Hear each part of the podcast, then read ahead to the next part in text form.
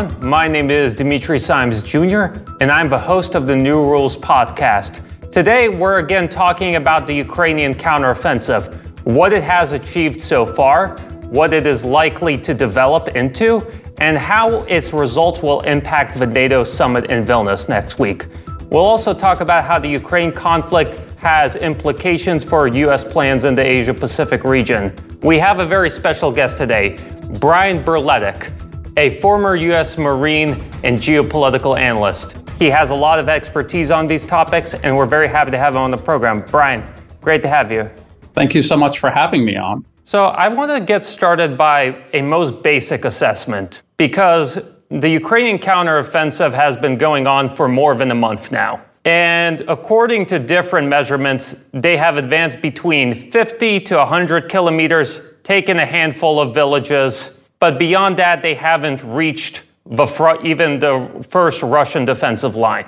The Ukrainian Defense Ministry has insisted that is everything's going according to plan, and it has criticized Western analysts who say that the counteroffensive is moving too slowly as being unfair and unrealistic. Are they being unfair and unrealistic, Brian? Or is there some cause for concern when it comes to the Ukrainian counteroffensive? I think people who are saying it is not unfolding the way that it was expected to, I think they are being fair. I think to a certain extent, Ukraine itself has admitted this. Part of what they mean when they say that it isn't fair is that we're doing this with limited resources. We're doing this without air power. We're doing this without proper air defenses. We're doing this with a severe shortage of artillery rounds. In that sense, yes, it, it is unfair to expect it to go any faster, uh, even though this was what we were all told before the offensive unfolded. And uh, at one month into this offensive, the fact that it has made so little progress, the fact that it has not reached uh, Russian, the, the primary Russian defense lines, which are layered, by the way, and the fact that it hasn't one month into this, this is disastrous for Ukraine. And I think it is worth noting that, you know, even these sort of relatively meager gains have come at a sizable cost. Because by, again, different metrics, they lost several hundred tanks, several hundred armored vehicle, over 13,000 troops. I have to ask, right, because some people have made the argument that Ukraine is doing sort of reconnaissance attacks, that it's trying to probe weak points in the Russian front lines in order to best concentrate their attacks. Is that what's really happening? No, it looks like Ukraine was doing probing attacks before. I think there was general consensus that the offensive had officially begun. After that, they were actually trying to break through uh, Russian defense lines. They were trying to cross the security zone and reach the first of several layers of Russian defenses, and they were unable to. You don't do probing actions with your best tanks, your best infantry fighting vehicles. Uh, you you don't do that. You you do that with forces that are in a certain way expendable, and then you follow that up with your best forces to exploit any gains that they might make. And they have not been making gains; they've been mired in these minefields. And I think what we're actually watching is a failure to plan for and properly breach these minefields, and it's being passed off as uh, merely probing actions ahead of the main offensive. I think you make the best important point because you note that a lot of the troops that they have sent in these attacks, they're not, you know, random trained conscripts. These are troops that have undergone training in NATO countries. These are troops that have received uh, NATO equipment, and there are indeed high hopes that these troops would perform very well when it when push came to shove. Why haven't those expectations borne fruit? Because it's extremely unrealistic to imagine that just because they received NATO training or that they're using NATO equipment, that somehow their performance would be better than the experienced Ukrainian forces that uh, this whole special military operation began fighting against. Uh, we have to remember that even though NATO trained Ukrainian troops ahead of this offensive, they did so in a very abbreviated manner. They're handing them uh, equipment that they then have to learn to use, which usually takes six six months to a year to actually effectively learn how to use. And they were doing this in a in a, a, training session compressed into just a few weeks. You cannot accelerate something like this. If you rush training it's going to play out disastrously on the the battlefield. There's a reason why the united states trains say an entry level tanker for 6 months before they join their unit and begin further training there with their unit uh, uh, the U.S. military gets these soldiers only for four years. They want to maximize the amount of time they're actually out doing their job. Uh, so if they could train them faster, they would. They can't. So that's why they train them for six months and more. Uh, trying to accelerate this training for Ukraine was predictably disastrous, and we're watching that unfold on the battlefield right now. And was this decision to accelerate a military decision or a political decision? Very clearly a political decision. Militarily, you would want to give them time, the, the right amount of time to build up their capabilities and to be able to effectively operate on the battlefield. Obviously, there is no time to do that. So they they accelerated. They in their minds seem to have thought better this than nothing at all. And I think that's what we're watching unfold. But I, actually I think it's actually worse than nothing at all. And since this, uh, this was a political decision, again, could we elaborate it a little bit further? From whom did the political pressure come from, in your view? Was it Zelensky putting pressure on his military? Was it NATO putting pressure on Zelensky? Where was this sort of pressure to move ahead before they were truly ready? I think it's a combination of, of all the above. I think Ukrainian leadership is is eager to move things forward. I think uh, probably the military leadership knew better and was resisting, although we could only speculate. And of course, NATO, uh, the collective West, they are very eager to push Ukraine into this offensive. They they had unrealistic expectations of how this would unfold. They wanted to go ahead with this because they thought there there could possibly be a different outcome than we're actually seeing now in reality. But it also seemed that there was just a genuine underestimation of Russian capabilities because in the lead up to the counteroffensive, I read what a lot of mainstream media outlets wrote, what a lot of think tankers and even some officials in the West said. And there was a broadly dismissive assessment of Russia's military capabilities. They said Russian troops are spread too thin, along the front lines. And simply put, they made the argument that Russian troops just weren't that good. That when push came to shove and they were faced with Ukrainian troops, the Ukrainian troops would be better motivated, that they would be better on the battlefield due to, you know, less bureaucracy, so on and so forth. And it seems that the people are coming slowly to the reality that the Russian military is stronger than many people are, were willing to admit all these months. That, that, that is that is a good point. Uh, before the offensive, it's it's actually very difficult to separate what is just pure propaganda and what is the actual mindset of uh, leadership in the collective West. Maybe there's different camps with different perspectives. Maybe some of them did think that this was going to go much better than it actually did. We we heard people like uh, retired U.S. Army General David Petraeus claiming that Russian defenses would be very brittle and they they would just as you say they wouldn't they wouldn't be able to stand up against this NATO trained and equipped Ukrainian force. And we can see how the exact opposite unfolded. Did General Petraeus actually believe that?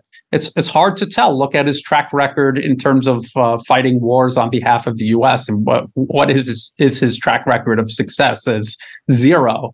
So maybe there just is this big detachment from reality in both military and political circles in the West. Uh, but to be honest, uh, my analysis ahead of the offensive, uh, I said that this was going to be a disaster, and I determined that by reading the the fine print, going going down deep into the Western media's articles, several paragraphs deep, they admitted that the prospects were were were not actually as, as good as they tried to make it appear in the headlines. So uh, I think there are certain people in the West who knew this was going to be a disaster. And perhaps there were other people who, who honestly thought it was going to play out a lot better. And what were some of those warning signs that the counteroffensive would not pan out so well? It was the description of the, the training programs. If you're going to condense training into just a few weeks that should take months or even longer, obviously the, the quality of that soldier or that tanker or that artilleryman is going to be less when they reach the battlefield. That that was one warning sign. Another warning sign was the the problem with ammunition, artillery ammunition specifically. They have been running short on artillery ammunition almost the entire duration of this conflict. And that is something that is going to play a, a key role in whether the offensive was successful or not. Uh, so when you start adding all of these things together that even the Western media was admitting, you start to see a clear picture of the, the, the offensive being doomed before it even got started. I want to play devil's advocate for a moment because uh, Ukrainian defense minister gave an interview last week where he said that the current attacks are just a glimpse of a much bigger push to come. And again, when you look at the different assessments, Ukraine has reportedly committed only three of the 12 brigades that it formed for the counteroffensive. And some of the arguments that we've been seeing from pro Ukrainian military analysts that what they're doing right now is trying to exhaust Russian troops before making a real major push. How do you respond to that? Do you think that is a fair argument? I think even by the Western media's own admissions, it's much more than three brigades at this point. And I, I think the losses that Ukraine is suffering in this offensive is now even being incrementally admitted by the Western media. Um, it is true that they probably do still have more offensive potential left and they've exhausted, but we're one month into this offensive. They have a finite amount of artillery ammunition to support uh, these pushes that they are making along the line of contact. And the longer this takes for them to make a breakthrough, the less artillery ammunition they are going to have to exploit the, uh, those breakthroughs and to uh, consolidate their control over any new territory that they gain. And I have said all along that no matter where the offensive ends on the battlefield, on the map, when it does end, it's going to be an exhausted force that's going to need to be completely replaced, just like NATO had to do for Ukraine following last fall's Ukrainian offensives. This sort of war of attrition strategy is coming up against certain material realities and that even if you know the game plan as ukraine says is to exhaust russian troops there's only so much that it can do under given its current material reality. Absolutely. And again they're still trying to cross the security zone. They have not even made it up to the the first defensive lines of uh, uh, russia's fortifications. So they're are, are they exhausting Russia or are they exhausting themselves? How much did they start out with to begin with? What what has been the balance of power in terms of equipment, trained personnel, and ammunition has always been in favor of Russia, especially after the mobilization last year, where some 300,000 reservists, not raw conscripts, reservists were called up uh, by the Russian government and and committed to the special military operation. Uh, I, I believe that Russia was well aware of the scale of this offensive. They are prepared for it. Their military industrial output is prepared to handle the, the material costs of defending the line of contact. And it also seems that one of the big decisive factors has, of course, been air superiority. Because, uh, of course, Russia has had air superiority, but it's difficult to fully utilize that air superiority when you're going on the offense. But when you have air superiority and you're on the defense, that certainly helps tilt the balance even more significantly in your favor. That's very true. And that's particularly so because we've watched uh, uh, one of the aspects, it's a multifaceted uh, war of attrition from Russia's perspective. One of the things that they have focused on is running down Ukraine's air defense capabilities. And that goes in terms of, say, longer range fixed position uh, uh, systems like the S300 or the Patriots, and also mobile systems uh, like the uh, Osa or Buk. These systems have to come up with troops. They're they're very exposed when they're on the offensive, and, and we have seen footage of Russia taking these air defense systems out. And uh, just as you say, Russian military aviation already has an advantage with these glide munitions that they have been using. They're able to release those and turn around before they're even in range of these mobile air defense systems. The longer range systems have been exhausted or destroyed, removed from the battlefield one way or another. And so this is yet another advantage in Russia's favor. The Glide munitions is an interesting example because, along with drones, if you look at the beginning of the conflict last year in early February, Glide munitions and drones were two air- glaring areas of, you know, I'm not sure if I would say weakness, but areas of improvement for Russia, that they clearly areas where they needed to make adjustments. And the fact that they're able to utilize Lancet strike drones and glide bombs with such regular usage on the battlefield now does show does seem to indicate that the Russian military industrial complex is not standing still and that it is making adjustments as the conflict goes on as well. That's a very good point. And this uh, is a direct contradiction of everything the Western media has been saying about uh, the sanctions taking a toll on the Russian economy, stripping the Russian military industrial uh, complex of necessary inputs. It doesn't seem that it has done any of that. And we're even seeing the Western media now incrementally admit that no, none of that is actually true. They're outproducing the, the collective West, US and Europe combined in terms of artillery ammunition, things like drones, even long range precision weapons like missiles and uh, the, the Geran 2 drones that we see used uh, more and more. So all, all of these things combined prove that Russia does indeed have an immense industri- military industrial output, and that, as you say, they're adapting to the realities on the battleground, whereas the West is just grabbing anything that they have laying around and sending it to Ukraine. This talk recently of sending uh, cluster munitions to Ukraine. If people read the details of that story, they're actually talking about 155 millimeter artillery shells that uh, are cluster munitions. And they're sending that not because it's some capability that Ukraine needs, it's because they are out of the high explosive artillery shells that Ukraine has been using all along. They're out of that. They're just sending whatever they have left in their inventories. This is where uh, Ukraine and their Western backers are right now. And this begs the question what's next for Ukraine then? Because if you look at Russia, at both Russian and Ukrainian sources, there does appear to be a consensus that a second stage of the counteroffensive is coming. What options does Ukraine have at its disposal now? Really hard to say because when you really think about it, the, the whole premise of launching this offensive in the first place is, is a disastrous decision. It, it obviously was not going to result in whatever Kiev or NATO thought it would. So there really are no good options left for Ukraine in the middle of this offensive except to stop it and go to the negotiation table, which I don't think that they're going to do. So what they're going to do instead is continue throwing forces at Russian defenses, maybe perhaps they will break through. I, I, I think it's almost inevitable that there will be breakthroughs. They will take territory. Russian defenses are designed in layers specifically to give territory rather than suffer the, the catastrophic losses that Ukrainian forces are suffering and to avoid losing their men and equipment, uh, which again, as I said, wherever the offensive ends on the battlefield, Russia will have preserved its manpower and equipment.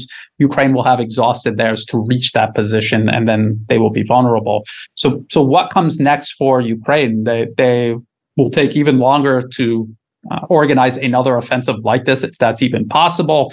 But we do see them playing games in uh, politically, I guess you could say, uh, uh, stories about the Zaporozhye nuclear power plant, looking for some sort of pretext to internationalize the conflict and get NATO involved directly, one way or, another. And this is very similar to the, the U.S. proxy war in Syria.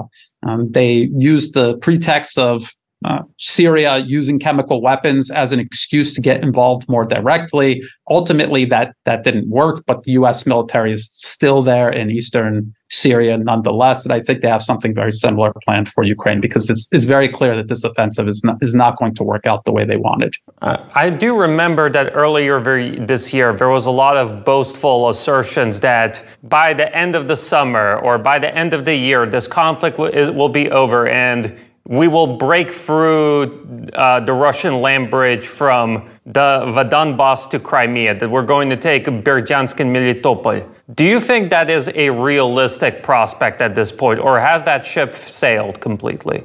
I think if they were able to achieve that, it would it would actually be more disastrous than if they didn't because in order to to reach these objectives they are going to continue suffering the catastrophic losses that they have been their forces are going to be stretched out even further along with their logistics and this is going to make them more vulnerable to russian forces which i believe are better equipped more numerous and better prepared to uh, deal with them where again wherever they end up uh, if they do make it through the line of contact. So I, I, I think it's actually going to be more disastrous for Ukraine. A, a, lot of people were celebrating the Kharkov and Kherson offensives last year, but I think that actually got them one step closer to losing this war of attrition. Despite having gained territory, they were actually much further toward losing the war of attrition for doing so. They expended huge amounts of trained manpower and equipment that was impossible to replace. And even with the huge transfer of equipment and the training that NATO undertook to prepare for this upcoming, uh, well, this ongoing offensive,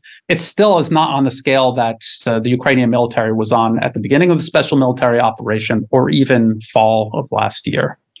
I'm glad you brought up Kherson because one of the things that has been going around in defense analyst circles is that perhaps if Ukraine realizes that an attack onto Zaporozhye doesn't work, they may attempt to do an amphibious assault through the Dnieper into uh, Kherson region.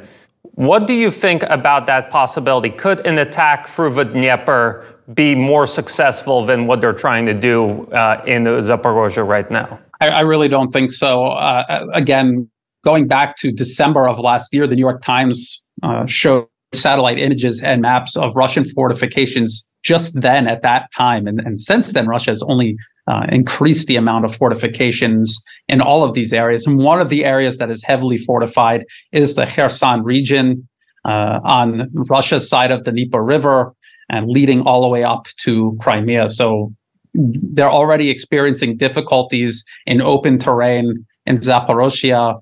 Trying to cross a river and then conduct the same type of offensive seems even more difficult and implausible. It, it just seems like a, a, a terrible waste of men and materiel, and it's it's it's still going to result in the same frustrating uh, stagnation that Ukraine faces elsewhere along the line of contact. And it's worth noting that during World War II, the most uh, costly operation for the Soviet Union was crossing the Dnieper River. I'm not sure of exact casualty count, but that was the most costly uh, offensive operation. Obviously, a lot has changed since then in terms of military technology, but the fundamentals stay that it's very difficult to do amphibious assaults, especially against an opponent that has a strong air force and strong artillery. Absolutely. And again, beyond that, Russia has prepared layers and layers of defensive positions all along that area, that approach toward Crimea. They they were prepared for that. They're prepared for a potential breakthrough in Zaporozhye. And they're also prepared for a, a breakthrough and even losing all of Bakhmut. They are prepared for that. They have uh, layers of defensive positions east of Bakhmut, uh, near Popasnaya, so wherever Ukraine advances, they're still facing layers and layers of Russian defensive lines. So this is going to be very difficult. It's, it's going to be more difficult than just crossing the security zone has been so far. I want to remind our audience members that you are watching and listening to the New Rules podcast. My name is Dimitri Simes Jr. I'm your host. And our guest today is Brian Berletic, former U.S. Marine and geopolitical analyst. Brian, next week, the NATO leaders are gathering in Vilnius, Lithuania. And the biggest topic of discussion undoubtedly will be this Ukrainian counteroffensive and what to do next. What do you think the Ukrainian counteroffensive and its, I guess, slow pace means for NATO? How does that change their calculus? I, I believe that NATO is committed to supplying Ukraine for as long as they they can possibly supply Ukraine. I, I, I think there's a lot of talk about additional NATO support being conditioned on how successful this offensive is. But in reality, I, I don't think that uh, this this always was a NATO proxy war against Russia, simply using Ukraine as an intermediary. It is not NATO helping Ukraine and deciding if they want to help Ukraine further. So I, I think that is not really even a question. I think what they're going to do at the summit is figure out a way to continue to propose the continuation of this conflict to the general public. There may be NATO members or or uh, non-NATO members increasingly skeptical of, of this entire proposition that they may want to try to keep on board. Uh, and, and then they're also going to be thinking about alternatives. If the offensive doesn't work, if there's no proxy military solution, what, what other solutions can they explore? And I think they'll be trying to set the stage for that. We've already uh, touched on the Zaporozhye nuclear power plant and, and you know another Iraq w, uh, weapons of mass destruction style lie to try to get uh, some sort of pretext for NATO's direct intervention, possibly creating a buffer zone in Western Ukraine, or possibly creating some sort of coalition of the willing made up of Polish or Baltic state troops, sending them in to go fight along what's left of the Ukrainian military. There's there's a wide variety of options. Not, again, none of them very good, but I think this is what they're going to be thinking about and talking about at this summit. You bring up an interesting point that, you know, despite the short, uh, the slow pace of the Ukrainian counteroffensive and its fairly modest territorial achievements, U.S. leaders, most of other NATO leaders, perhaps with the exception of Hungary and a few other countries, have uh, reiterated the fact that they're prepared to continue supporting Ukraine, quote unquote, as long as it takes. Why have they taken such a stance? What are they trying to achieve here? Well, essentially, Europe, especially the European Union, it, it is it is the undermining of European sovereignty. The participation of individual European nations in this proxy war do not reflect the best interests of the European people or even certain special interests across Europe. Uh, industry, for example, suffering tremendously because uh, cheap hydrocarbons from Russia have been uh, more or less throttled. Eventually, they'll be cut off altogether. Uh, none of this benefits Europe. This is all to benefit Washington and Wall Street and the, the US's pursuit of global hegemony. They want to eliminate all peer and near peer competitors. And that that's uh, specifically is aimed at both Russia and China. So for Europe, it doesn't serve any any actual purpose for the European people or European industry, but the, the European Union bureaucracy answers to Washington. It, it serves Washington's interests at the cost of Europe. So people are confused about why Europe is is doing what it's doing. It's because the European Union is subverting European sovereignty and Europe's best interests and serving Washington's interests instead. But if we look, there's a certain gap between capability and political de- uh, will, right? Because we see all these sort of uh, declarations of political will. But we also see NATO Secretary John Stoltenberg say that NATO cannot keep up with the ammunition production necessary to keep this proxy war in Ukraine going. We see different leaders of Europe saying that ammunition stocks will take five to 10 years to replenish at the current pace. So, how, given these sort of clear uh, and observable material realities, how do they plan on keeping this thing going? I think it's going to be very similar to the US proxy war in Syria or the long lasting US occupation of Afghanistan there's this political will to uh, achieve a very specific foreign policy objective, but they don't have the ability to actually achieve it. And yet they stubbornly cling to these policies anyway.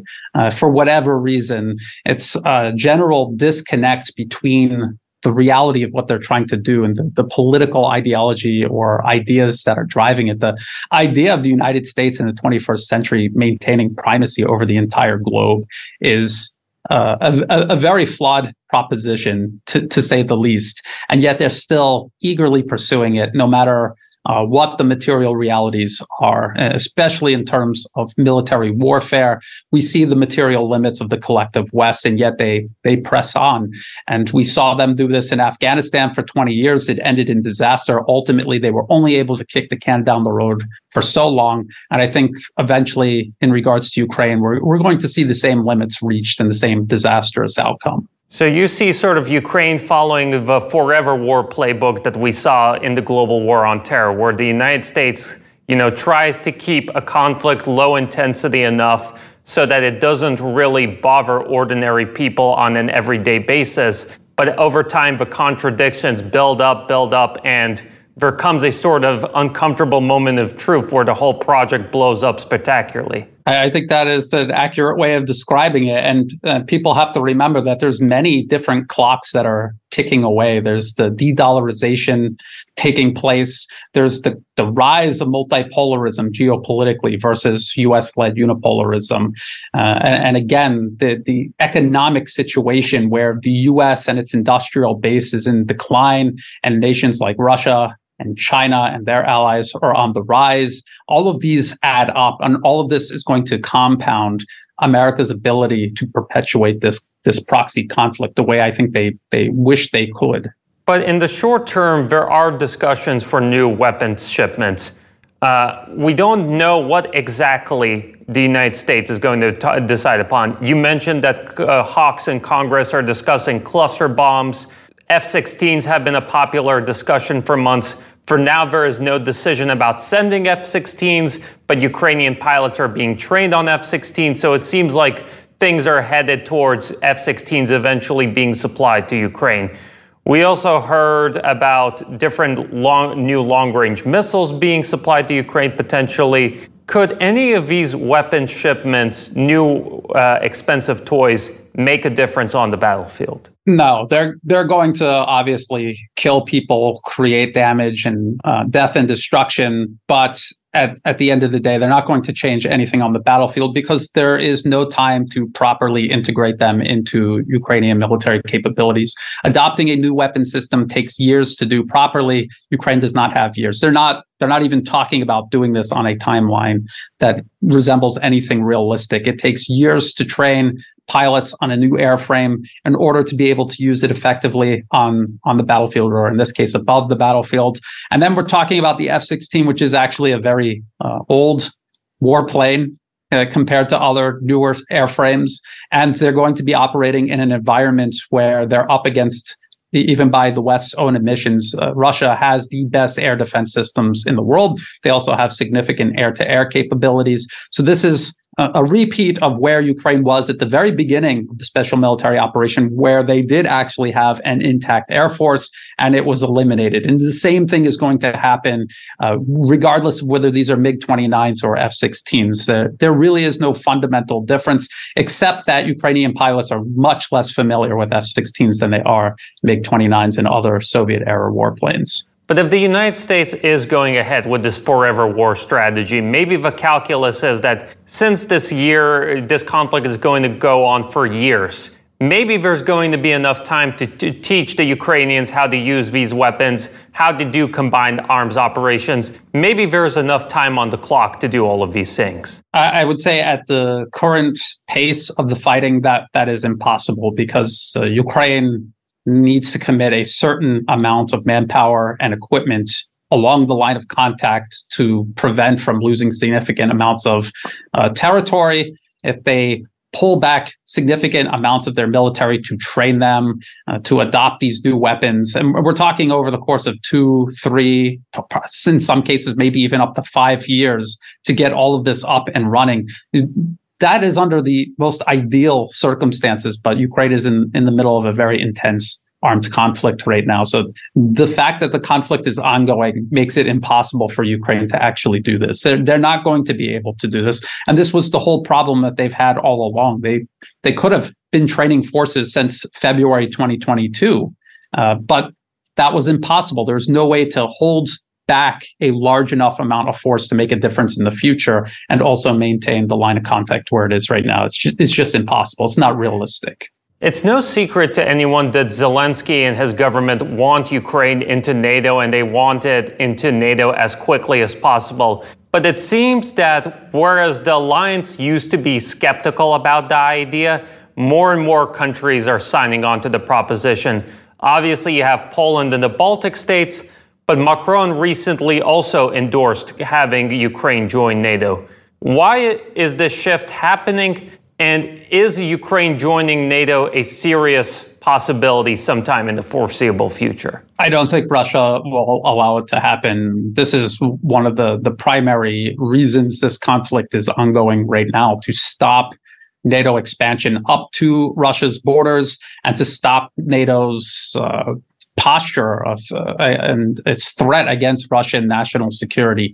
And Ukraine represented a huge threat to Russian national security, which is why this this conflict is ongoing in the first place. So at, at no point do I see Russia easing up in terms of its operations in Ukraine. They're not going to ease up because they know the moment that they do, the moment there's uh, even a stalemate or the freezing of the conflict, they know what what the plan is is to rush Ukraine into NATO and uh, to close off the, the prospects of stopping this process from that point onward. So I, I, I think that it's is going to be a decision made by Moscow, and I cannot imagine under what circumstances Moscow would would think it was okay to allow this process to continue. I'm glad you talked about the implications of a frozen conflict and the potential problems of negotiations because I'm also pretty skeptical about the, con- the prospects of negotiations. From a Russian perspective, we tried negotiating in 2014. It didn't work out. We tried negotiating in uh, spring of 2022. It didn't work out. You can go back even further in the 1990s, different negotiation efforts with both Ukraine, the West. Uh, none of that worked out. And it does seem to me that Russia is not willing to indefinitely keep the negotiation process over, open, if, especially if they see no signs that it's going to work out. What about on the Western end? Do you see any signs that they would be interested in negotiations? Or would they only be interested in negotiations if it's Russia agreeing to terms of capitulation? I, I think that's about right. The the West is only going to use negotiations uh, again, e- either if Russia agreed to capitulate or as a smokescreen to rearm uh, Ukraine or to include it in NATO. Um, and they've almost essentially openly admitted that they were using negotiations, say, over the Minsk agreements as a way to stall for time, to arm up Ukraine and prepare it for a proxy war with Russia. And people have to remember that the same exact process took place regarding Georgia.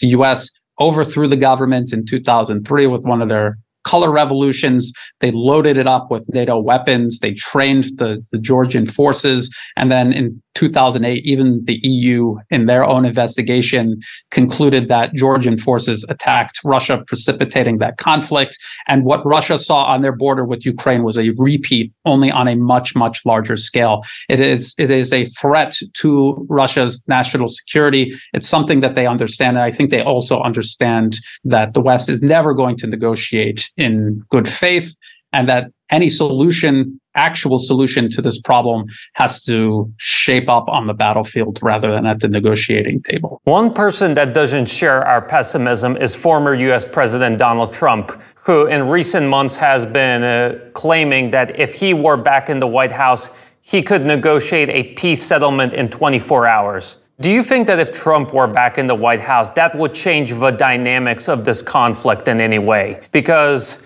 there can be debates about to what extent Trump was non establishment or not, but he definitely did have different foreign policy instincts than Biden does. Well, on, on the surface, I would agree with that. And I, I, think President Trump said a lot of things that resonated with the American people, but ultimately, whether he was in on it or it was uh, taken out from beyond his control, the U.S. pursues a foreign policy regardless of who is in the White House or who is running Congress. And I think we I think we saw that all during his presidency, the the, the march to war with Russia, Iran, China, US interference around the globe continued unabated if you weren't actually paying attention to who was in the White House. You wouldn't even know that there was a change in power. To solve this in 24 hours, I think would require significant Western uh, concessions that the rest of the West simply isn't going to make. There's just simply too many large, uh, entrenched circles of power that would not go along with it. And so uh, he could proclaim some some initiative to negotiate, but nobody is going to uh, uphold it or honor it. You make an important point about the importance of institutions, right? Because as you noted, presidents come and go, but the fundamental foreign bureau policy bureaucracy stays the same more or less. And one interesting thing, I, I lived in Washington, D. I was born and raised in Washington, D.C., and I lived there until 2019. And right about the time that I left for Russia, you, we started to see these various efforts by Koch institutions and George Soros to, find, to fund various think tanks, student groups, publications aimed at pushing a non interventionist foreign policy several years have gone by, but I do think the Ukraine conflict has shown that this sort of attempt to have a non interventionist long march through the institutions, at least so far, isn't working out so well. Would you gr- agree with that assessment? And if so, why are non interventionists having such a hard time taking over US institutions? I think it's because the the actual circles of power in the US are located on Wall Street. They're corporations, they're financial institutions, and they they are predicated on perpetual expansion at, at the expense of everyone else. And that, that goes for within the United States, within the US economy, and also globally. Their idea is to expand everywhere, to push out all other competition. And this goes far beyond just economics. It is geopolitical in nature.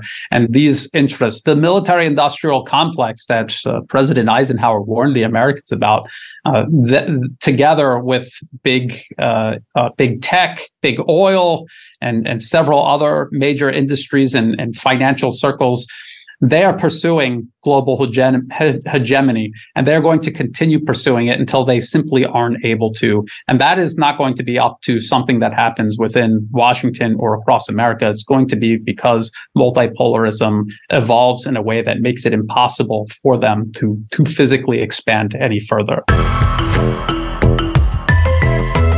I want to remind our audience members that you are watching and listening to the New Rules podcast. I'm your host, Dimitri Simes Jr., and our guest is Brian Berletic, former U.S. Marine and geopolitical analyst. Brian, we ended the last point about the centrality of Wall Street in forming U.S. foreign policy. I do have to ask then, why has the US moved towards such a hawkish foreign policy towards China over the past several years?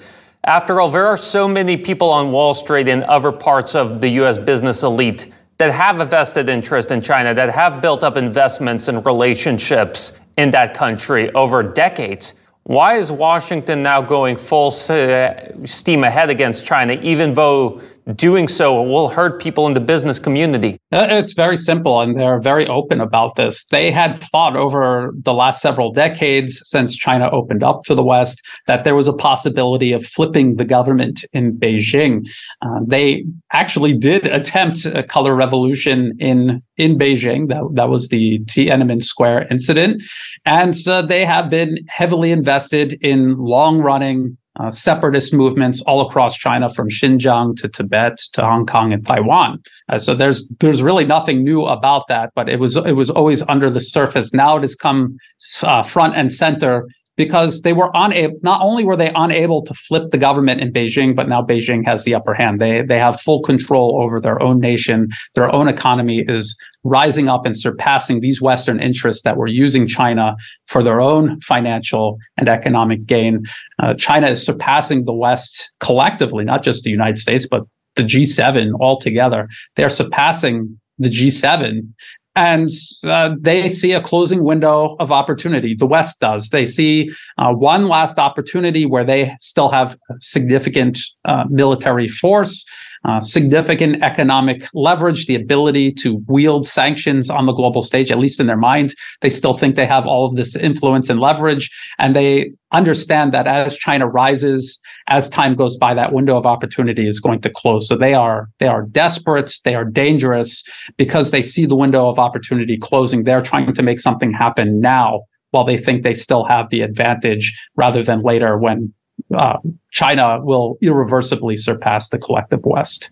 And it's worth noting that even as they're waging a proxy war in Ukraine, they're setting up new military bases in the Philippines, in the Asia Pacific region. In the Pentagon budget, they've significantly increased expenditures for that region. Does it appear that the U.S. is preparing for a proxy war on a second front, the Asia Pacific front? And if so, can the United States really do a dual containment strategy of both Russia and China? Well, the short answer is no, they cannot, but they're going to try anyway because they feel that uh, at least they should try give it a shot. And if it doesn't work out, maybe they feel they can e- escape the consequences of that. Uh, they're openly planning to turn Taiwan into the next Ukraine. Only the problem with Taiwan, and a lot of people don't understand this because the Western media deliberately mis- misleads the public regarding Taiwan, is that the US State Department officially recognizes China's sovereignty over Taiwan. It is considered a province of China by the United Nations under international law. Yet at the very same time, they are placing US troops on the island province of Taiwan, and they're encouraging separatist elements within uh, the local administration in Taipei. And they're doing this very deliberately to provoke China into a war sooner rather than later, because again, they feel that right now they have the advantage. China still has not quite reached that point militarily or economically where the, the West feels they really have no chance at all uh, uh, of winning some sort of armed conflict uh, by proxy or directly against China. So, would a conflict now be better for the United States, better than a conflict later when China is more economically developed, when it's been able to invest more money in its military, so on and so forth? That's their thinking. I, I personally believe that, uh, again, this is another disconnect from reality, just like their, their plans going into Ukraine and their, their attempts to encircle and contain Russia. Their idea that they were going to cripple Russia with the, the sanctions packages that they've leveled against Russia.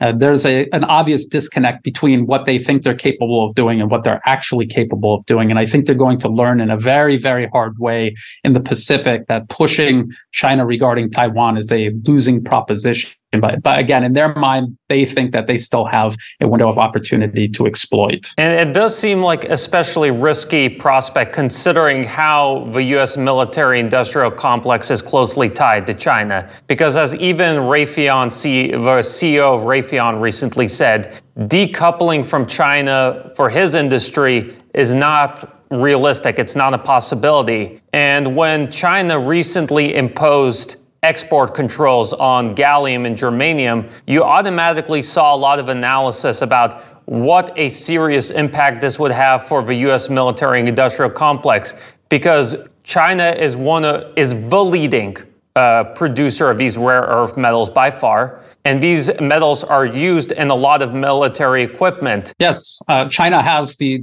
the largest industrial base on Earth. So the the prospect of the U.S.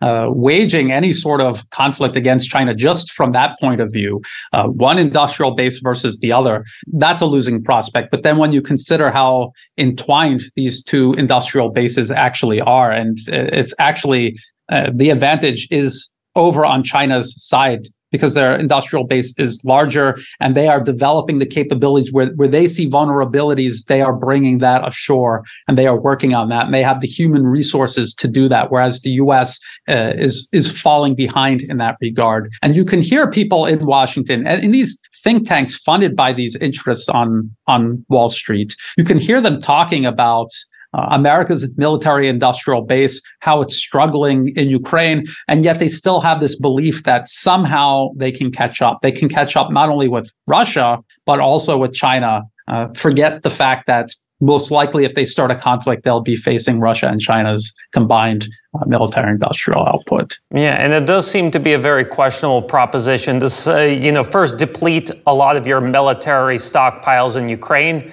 and then almost immediately afterwards go against the number one industrial power in the world. Uh, that's a good point. Uh, people have to remember, though, that in Ukraine, the U.S. and its Western allies are expending their their land combat capabilities, whereas any sort of conflict fought against China is primarily going to be using uh, U.S. air power and naval power.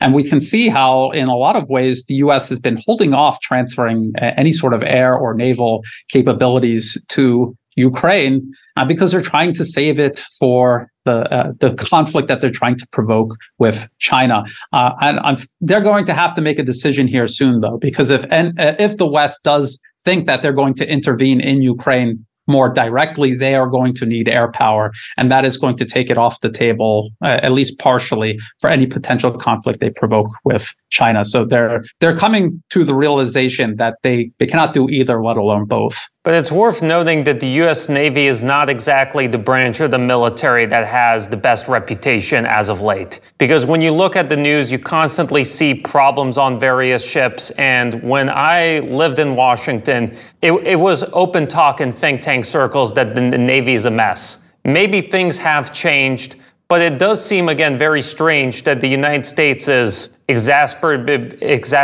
geopolitical tensions against China openly talking about the prospect of war against China. But when you look at how they treat the Navy and what sort of uh, incompetence the, that branch of the military gets away with, again, it, it doesn't make sense. Very, it's incongruent. Uh, again, it's a good point. And just look at how uh, Western military hardware and training uh, was imagined before the Ukrainian offensive and how it's playing out in reality. And just imagine that playing out in the Pacific in terms of US air power and naval power.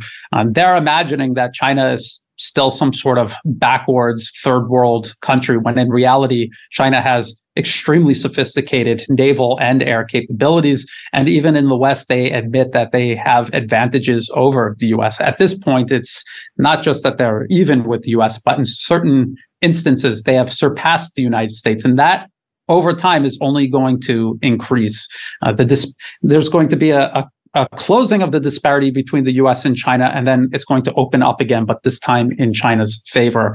And uh, again, it it doesn't make any sense. The, the, the very premise of the US containing China makes absolutely no sense. So everything they build on top of this irrational premise is also going to make no sense. So containing China and then waging some sort of air or naval campaign or or both combined in the Pacific against China across the entire Pacific Ocean, that makes absolutely no sense. But then the entire premise of containing China makes no sense. And since the United States often US analysts often bring up the question of motivation, when it comes to the Russia Ukraine conflict. I think it's only appropriate to look at it eh, for a potential China US conflict. Who do you think would have a motivation advantage? Because again, you look at the news and you constantly see how the US military is struggling, struggling to meet its recruitment quotas, how polls show that young people in the United States don't want to join the military anymore, how the US military is losing prestige among society. Who would have a morale advantage? I, I, think clearly China would. China is defending its own territory, recognized under international law. Uh, not not just China, it's you know the mainland, but also Taiwan is recognized as Chinese territory under international law. So from their perspective, they're fighting a foreign aggressor. And if you uh, study Chinese history, you'll understand that this is a very sensitive topic for Chinese, and and it should be because they suffered uh, an entire century of humiliation. That's what they call it the, cent- the century of humiliation, where Western nations occupied Chinese territory, uh, were dividing the country up among themselves and exploiting the the people and the resources of China. This is a chapter of history they they will not repeat. It's not that they don't want to; they absolutely will not repeat that, and they will do anything necessary to avoid repeating that chapter in history. Uh, so the United States is going to be crossing an entire ocean to start a fight with China in Chinese territory, uh, a country that understands the historical implications of what the U.S. is trying to do. Uh, the the era in history that the U.S. wants to return China to, and I think Chinese people will, will fight much harder to prevent that from happening than Americans will to impose that on on China. You know, between 2014 and 2022, there were a whole host of people warning that a conflict between the United States and Russia over Ukraine was very much a possibility.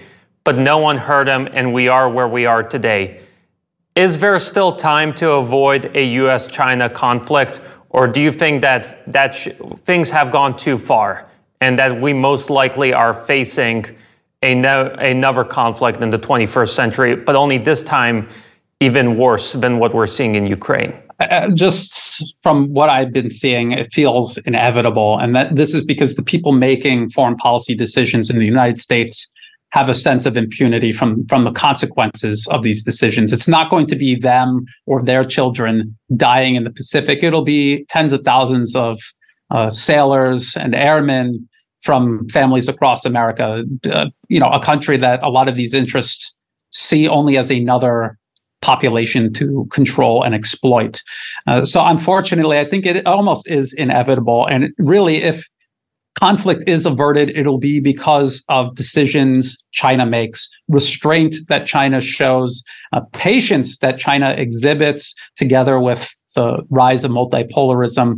I think there is a genuine interest in China and among its its partners and allies to avoid this conflict. They understand how disruptive it will be, and so I think it'll be incumbent upon them to avoid the conflict. In other words, uh, China and their allies will be the adults in the room. You brought up how that there is this sort of dismissive attitude towards the class of people fighting in the US military. And as someone who has studied revolutions through history, it does seem that this is sort of a dangerous attitude to have. Should the United States political elite be concerned about the potential political backlash if it gets into a conflict with China and then ends up losing? Because if there is a US China conflict, it won't be like Iraq, it won't be like Afghanistan, it most certainly even won't be what's happening right now in Ukraine. It'll be something on magnitudes worse. Yes, uh, I think the the prospect of some sort of revolution within the U.S. I, I don't think that that is much of a prospect as a general collapse. These special interests, their circles of, of power and influence will collapse, and uh, America will be in disarray, and it'll be up to a alternative circle of interests to assert themselves and perhaps create a more constructive role for the United States on the global stage. Uh, we see the United States right now desperately trying to reassert primacy over the entire planet ultimately this is unsustainable. It will collapse. It will fail. And it'll be up to others in the United States, uh, new emerging industries and businesses, uh, political parties, new political parties to take over and hopefully find a, a constructive role for America among the nations of the world. I want to remind our audience members that you have watched and listened to the New Rules podcast. My name is Dimitri Simes Jr. I'm your host, and our guest today was Brian Berletic, US, former U.S. Marine and geopolitical analyst. Brian, where can our audience members go to keep up with your work? Start by going to YouTube, type in the new Atlas, and in the video description below each video will be a list of different places you can find and follow my work. And because YouTube is always questionable in terms of what they will allow and not allow. I highly suggest people at least also follow my my Telegram channel. Uh, the the link will be in the video description of my YouTube videos, and I post absolutely everything on Telegram: videos, uh, short commentary, art, links to articles that I've written, etc. And and also I want to thank you for having me on. Well, I want to thank you for having me on because we really did cover everything: Ukraine, NATO, China, and even a little bit of U.S. internal politics. So I think we really did hit all the possible points today. Yes. And if you want to keep up with the New Rules podcast, the first thing you should do is subscribe to our Rumble channel and place a like on this video. But we also have a website, we have a Telegram channel, we have a Twitter channel. All of the links to that will be in the description below. Thank you so much for tuning in. Until next time.